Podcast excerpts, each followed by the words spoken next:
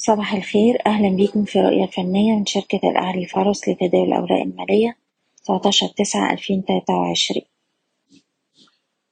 للجلسة الرابعة على التوالي المؤشر بيواصل الارتفاع قفلنا جلسة امبارح على ارتفاع طفيف عند مستوى 19751 نقطة وأحجام التداول كانت متوسطة.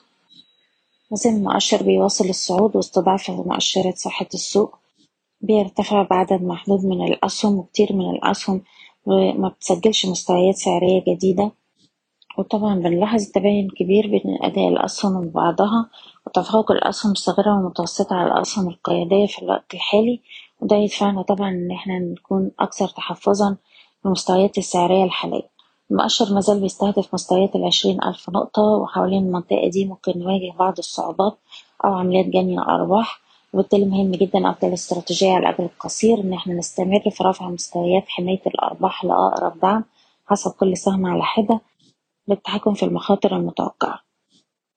في نفس الوقت أقرب مستوى دعم عند تسعتاشر ألف ومية وده مستوى حماية الأرباح على الأجل القصير. بشكركم بتمنى لكم التوفيق. إيضاح الشركة غير مسؤولة عن أي قرارات استثمارية يتم اتخاذها بناء على هذا التسجيل.